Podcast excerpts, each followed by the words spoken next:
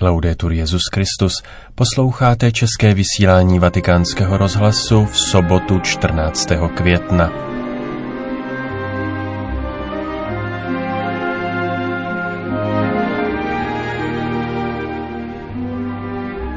Dnes vám nabídneme pravidelný sobotní komentář a poté se vrátíme k jedné zajímavé události z papežovy středeční generální audience. Nejprve si poslechněte komentář otce Samuela Prívary o duchovním rozlišování. Vážení posluchači Vatikánského rozhlasu, já vás vítám u dalšího pořadu. Dnes máme svátek svatého Matěje, apoštola, který nepatřil původně ke dvanácti, ale byl minimálně z našeho pohledu zvláštním způsobem doplněn k apoštolům potom, co Jidáš zaradil – tato volba proběhla po Ježíšovým zmrtvých stání. Petr se ujal už role lídra a promlouva k ostatním apoštolům, že je potřeba zaplnit místo, které vzniklo po zrádci. A pomocí zvláštního mechanismu, který naše Bible překládá jako losování, i když v kontextu modlitby, volí apoštolové Matěje ze dvou kandidátů.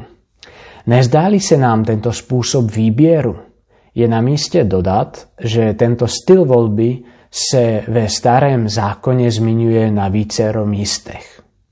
V této souvislosti mi nedá nevzpomenout také na první rozhodování svatého Ignáce, zakladatele jezuitů. Ignác jako neskušený začátečník v duchovním životě hledal způsoby, jak nacházet a porozumět Boží vůli. A i když se později jeho duchovní cvičení a v nich obsažené metody na rozhodování staly velmi známými, na začátku nevěděl, tak jak se to často stává i nám, na základě čeho se rozhodnout. Dovolte mi uvést jako příklad jeden příběh z Ignácova mládí. Jednoho dne došlo mezi ním a jistým muslimem k sporu ohledně výkladu určitých teologických nejasností – a když se oba muži rozešli a každý šel svou cestou, horkokrevní Ignác na nejbližší křižovatce vážně uvažoval o tom, zda pronásledovat zmiňovaného muže, aby pomstil vyslovenou urážku nebo ne. Protože neznal jiný způsob, nechal za sebe rozhodovat mulu, na které jel. Pokud by následovala cestu, po které se vydal zmiňovaný muslim, byl by se pomstil – Mula se naštěstí vydala jinou cestou a z Ignáce se nestal vrah, ale později svatý. Jak se tedy vůbec rozhodovat, nejenom podle nějakých manažerských postupů a technik, ale také v souladu s tím, co tradiční teologie nazývá Boží vůle. Intuitivně asi tušíme, že se jedná o rozhodování ve vážných životních věcech, vážných životních situacích. Není potřeba příliš duchovního rozlišování, zda koupíme pomeranče nebo jabka. Stejně tak žádný křesťan nepotřebuje rozlišovat mezi volbou dobrou a špatnou. Rozlišování je opravdu jenom pro dvě dobré nebo alespoň neutrální alternativy. Máli být naše rozhodování v božím duchu, potřebujeme mít s Bohem osobní vztah – k rozlišování je tedy nevyhnutná modlitba, stejně jako reflexe vlastního života, vlastního nitra. Chceme-li odpovědně rozlišovat, potřebujeme vědět, co se v nás vůbec děje. Potřebujeme získat jistou vnímavost, jak na naše přirozené vnitřní děje a procesy, tak na Boží přítomnost v realitě všedního dne, ať už v nás nebo mimo nás. K tomu výborně slouží modlitba laskavé nebo plné pozornosti, také známá jako exámen vědomí. Právě několik málo minut každodenně reflexe události našího dne, našich motivací a vnitřních postojů významným způsobem zvyšuje naši vnímavost a citlivost na Boží přítomnost v našem životě. Když se zaměříme na naše vnitřní motivace a dopady jednotlivých událostí dne na naše prožívání, získáme neocenitelný vhled do našeho vnitřního světa. Při pravidelném vykonávání tohoto typu reflexe a krátkého zápisu toho, co nás hýbe, co nás motivuje a jaký vnitřní dopad na nás měly jednotlivé vnější události, získáme to, co bychom mohli technicky nazvat materiál nebo data pro rozlišování.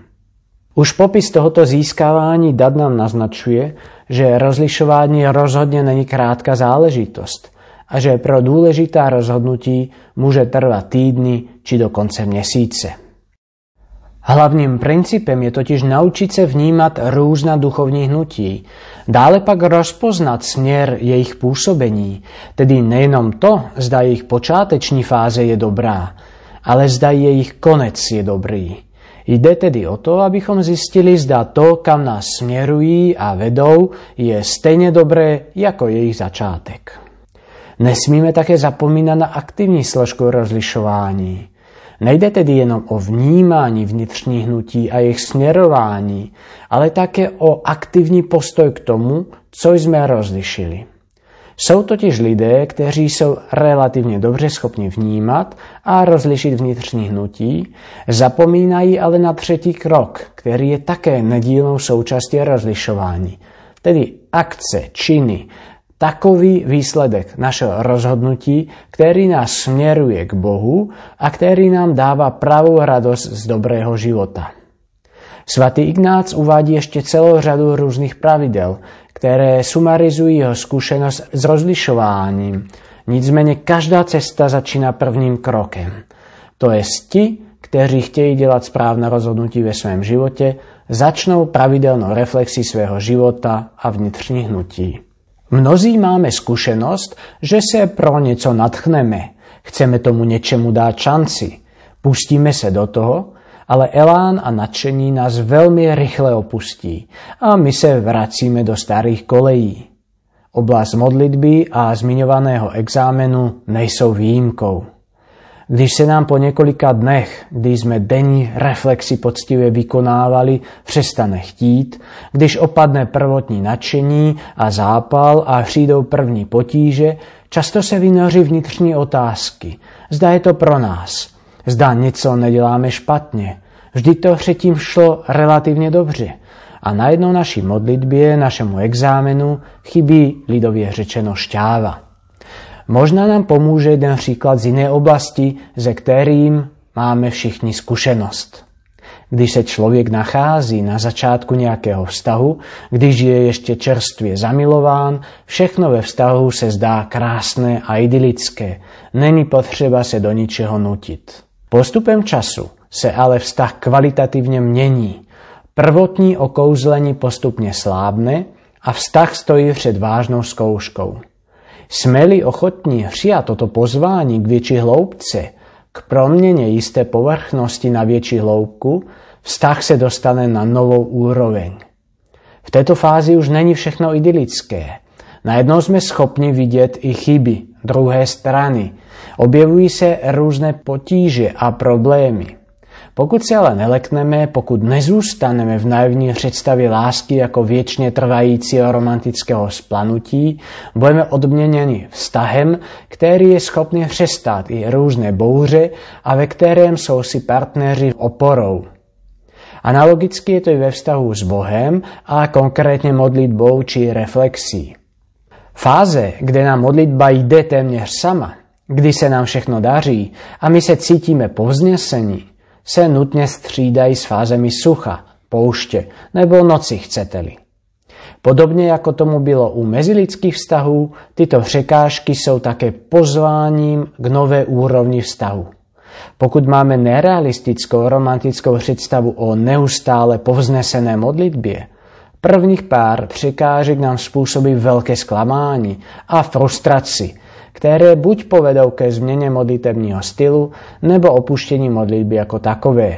Přijmeme-li ale fakt střídání více a méně šťavnatých a výživných období modlitby jako fakt a zůstaneme-li věrní našemu vztahu, zažijeme posun na novou kvalitativní úroveň. Ať se nám to tedy daří. Přeji vám všem hodně sil, trpělivosti a věrnosti a budu se těšit u dalšího setkání. Tolik komentář Samuela Prývary.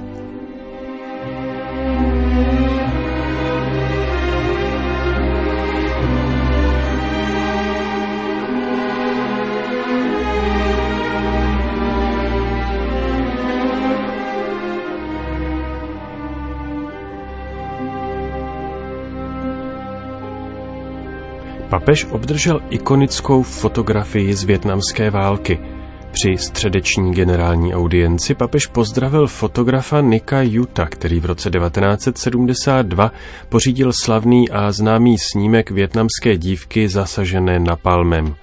Spolu s ním přijela do Říma také ona dívka, dnes 59-letá Kim Fu Fanti. Kim a Nix válku dobře znají. Větnam 8. června 1972, palba na vesnici Trang Bang, 40 kilometrů západně od Saigonu. Z hora padají napalmové bomby. Fotograf Nick v jednom záběru zachycuje zoufalství malé Kim Pung Fanti, která utíká pryč nahá, protože napalm jí spálil šaty. Tato fotografie se stala jedním ze symbolických obrazů v dějinách 20. století.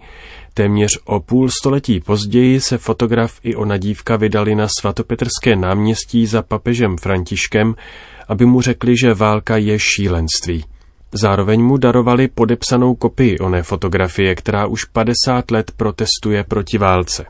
Kim, které je nyní 59 let, vypráví, o půl století později si jako pamětnice dovolím říci, že nechceme válku, ale mír, protože svět mír potřebuje. A právě kvůli mírovému úsilí ve spolupráci s Nikem natočila dokumentární film Napalmová dívka.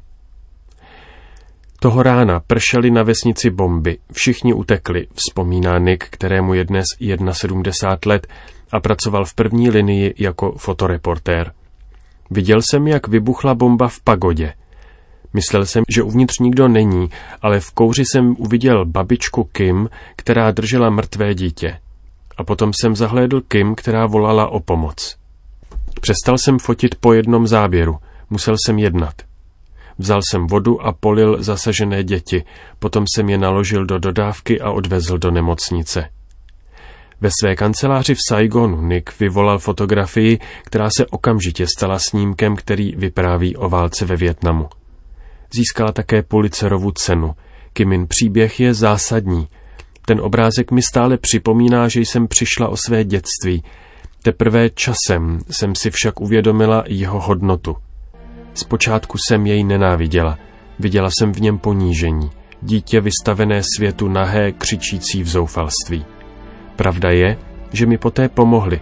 Strávila jsem 14 měsíců v nemocnici a prodělala 17 operací, aniž bych cokoliv platila. Končíme české vysílání vatikánského rozhlasu Laudetur Jezus Christus.